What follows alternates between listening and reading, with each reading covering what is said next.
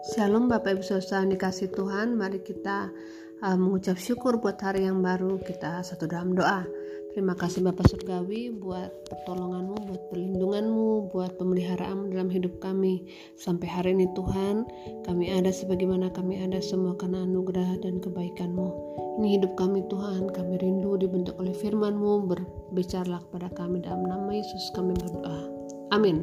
Bapak Ibu Saudara, kita tiba dalam uh, pembacaan uh, firman Tuhan seri kitab Amsal. Nah, Bapak Ibu Saudara ini kasih Tuhan, kitab Amsal berisi banyak sekali nasihat Bapak Ibu. Dan nasihat-nasihat ini disampaikan dalam bahasa seolah-olah dari orang tua kepada anak-anaknya. Nah, Amsal 10 di ayat pertama dibuka dengan perkataan seperti ini. Amsal-amsal Salomo, anak yang bijak mendatangkan sukacita kepada ayahnya, tetapi anak yang bebal adalah kedukaan bagi ibunya. Nah, kalau Bapak Ibu melihat ayat yang pertama, sudah jelas ya bahasanya adalah seperti seolah-olah orang tua yang sedang menasihati anak-anaknya. Seperti itulah bahasa kitab Amsal. Nah, ada dua hal nasihat eh, atau dua topik nasihat dari orang tua kepada anak-anaknya atau firman Tuhan kepada kita yaitu bicara tentang menjaga kelakuan atau bijak dalam uh, berlaku. Dan kedua adalah bijak dalam perkataan. Bijak dalam kelakuan ayat 8a siapa bijak hati memperhatikan perintah-perintah. Amin. Lalu ayat yang ke-9 siapa bersih kelakuannya aman jalannya. Tetapi siapa berliku-liku jalannya akan diketahui Ayat yang ke-17, siapa mengindahkan didikan menuju jalan kehidupan, tetapi siapa mengabaikan teguran tersesat. Kemudian bijak dalam perkataan. Ayat 8a tadi mengatakan siapa, siapa bijak hati memperhatikan perintah-perintah. Ayat 8b, tetapi siapa bodoh bicaranya akan jatuh. Lalu ayat 19, di dalam banyak bicara pasti ada pelanggaran, tetapi siapa yang menahan bibirnya, ia berakal budi. Ayat 18, siapa menyembunyikan kebencian, dusta bibirnya. Siapa mengumpat adalah orang bebal. Nah, Bapak Ibu Saudara di, dikasih Tuhan, kita perhatikan firman Tuhan di sini menekankan kepada bijak ya, kebijaksanaan atau berhikmatlah dalam berkata dan berperilaku. Amin.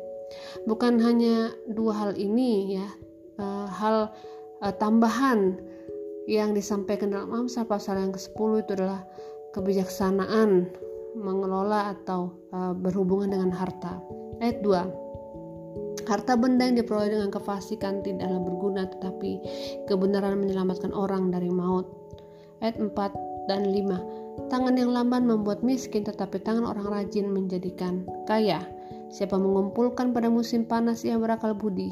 Siapa tidur pada waktu panen membuat malu. Ayat 16 upah pekerjaan orang benar membawa kepada kehidupan, tetapi penghasilan orang fasik membawa kepada dosa. 26.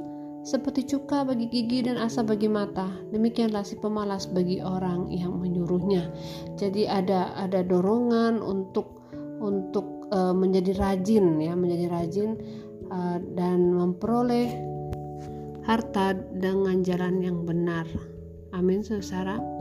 Nah, kembali ke ayat 1 di situ dikatakan anak yang bijak mendatangkan sukacita kepada ayahnya, tetapi anak yang bebal adalah kedukaan bagi ibunya. Jadi sebenarnya uh, Amsa pasal 10 ini mau memperbandingkan ya, memperbandingkan juga tentang dua orang uh, anak atau dua orang uh, pribadi yaitu yang bijak dan yang bebal saudara. Tadi sebelumnya saya katakan Eh, nasihat-nasihat ini berhubungan dengan uh, bijaksana dalam kelakuan, bijaksana dalam perkataan, bijaksana dalam harta. Dan kalau kita perhatikan lebih lanjut lagi, ada perbandingan tentang orang uh, benar ya atau orang yang bijak ya dibandingkan dengan orang yang fasik atau juga orang yang bebal saudara. Mari saya membacakan beberapa ayat. Ayat 6. Berkat ada di atas kepala orang benar, tetapi mulut orang fasik menyembunyikan kelaliman. 7. Kenangan kepada orang benar mendatangkan berkat, tetapi nama orang fasik menjadi busuk. Ayat 11. Mulut orang benar adalah sumber kehidupan, tetapi mulut orang fasik menyembunyikan kelaliman. 12. Kebencian menimbulkan pertengkaran tetapi kasih menutupi segala pelanggaran. 13. Di bibir orang berpengertian terhadap terdapat hikmat, tetapi pentung tersedia bagi punggung orang yang tidak berakal budi. 14. Orang bijak menyimpan pengetahuan, tetapi mulut orang bodoh adalah kebinasaan yang mengancam. 20, 21, dan 23. Lidah orang benar seperti perak pilihan, tetapi pikiran orang fasik sedikit nilainya. Bibir orang benar mengembalakan banyak orang, tetapi orang bodoh mati karena kurang akal budi. 23 Berlaku cemar adalah ke kegemaran orang bebal sebagaimana melakukan hikmat bagi orang yang pandai. 28 Harapan orang benar akan menjadi sukacita tetapi harapan orang fasik menjadi sia-sia. 30 sampai 32 Orang benar tidak terombang-ambing untuk selama-lamanya tetapi orang fasik tidak akan mendiami negeri. Mulut orang benar mengeluarkan hikmat tetapi lidah bercabang akan dikerat. Bibir orang benar tahu akan hal yang menyenangkan tetapi mulut orang fasik hanya tahu tipu muslihat. Jadi Bapak Ibu Saudara diperbandingkan ya eh, cara bicara atau perkataan dan sikap hidup orang benar atau orang bijak dibandingkan dengan perkataan dan cara hidup orang fasik dan orang yang bebal saudara. Jadi, apakah yang harus kita lakukan. Dari sejak awal, saudara, ayat yang pertama sudah ditunjukkan kepada kita bahwa yang menjadi kehendak Tuhan adalah kita menjadi orang yang bijak. Amin, saudara.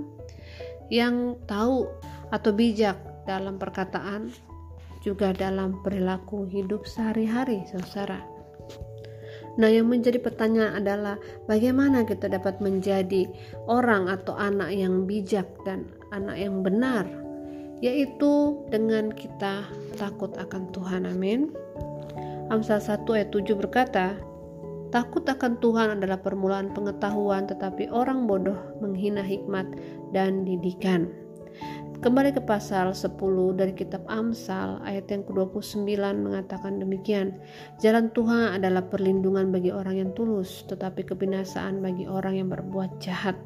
Bagi orang-orang yang mengatakan dirinya adalah orang-orang beriman percaya kepada Tuhan, maka hiduplah dalam jalan Tuhan. Jadilah orang benar dan bijak, saudara, yang mau mengikuti jalan Tuhan. Artinya hidup dalam perintah-perintahnya, melakukan perintah-perintahnya, firmannya. Mengapa? Karena ada perlindungan dan pemeliharaan daripada Tuhan. Amin. Ayat yang ketiga mengatakan Tuhan tidak akan membiarkan orang benar menderita kelaparan. Amin, saudara. Ketika kita hidup dalam jalannya Tuhan, itu artinya kita memilih untuk menjadi orang bijak dan benar, anak yang bijak dan benar, sehingga percayalah Tuhan tidak akan membiarkan kita dalam kekurangan. Ayat 3b, tetapi keinginan orang fasik ditolaknya jadi ketika kita memilih untuk hidup sebagai orang bebal dan fasik yang tidak mau ikut jalan Tuhan, maka percayalah saudara segala rencana kita Tuhan tidak akan berkenan. Lalu bagaimana bicara soal uh, kebutuhan atau harta atau uh, kebutuhan ekonomi sehari-hari? Ayat yang ke-22 firman Tuhan berkata berkat Tuhanlah yang menjadikan kaya susah payah tidak akan menambahinya. Ini bicara tentang sekali lagi pemeliharaan Tuhan kepada orang-orang yang mau hidup di dalam jalannya Tuhan.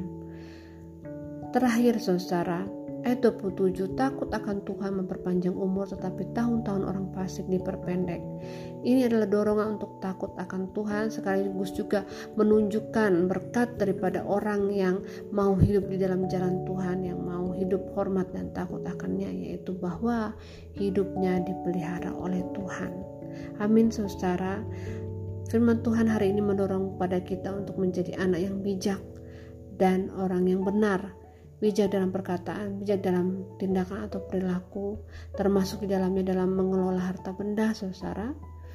Dan marilah kita menjadi orang yang bijak karena kita percaya kepada Tuhan dan takut akannya.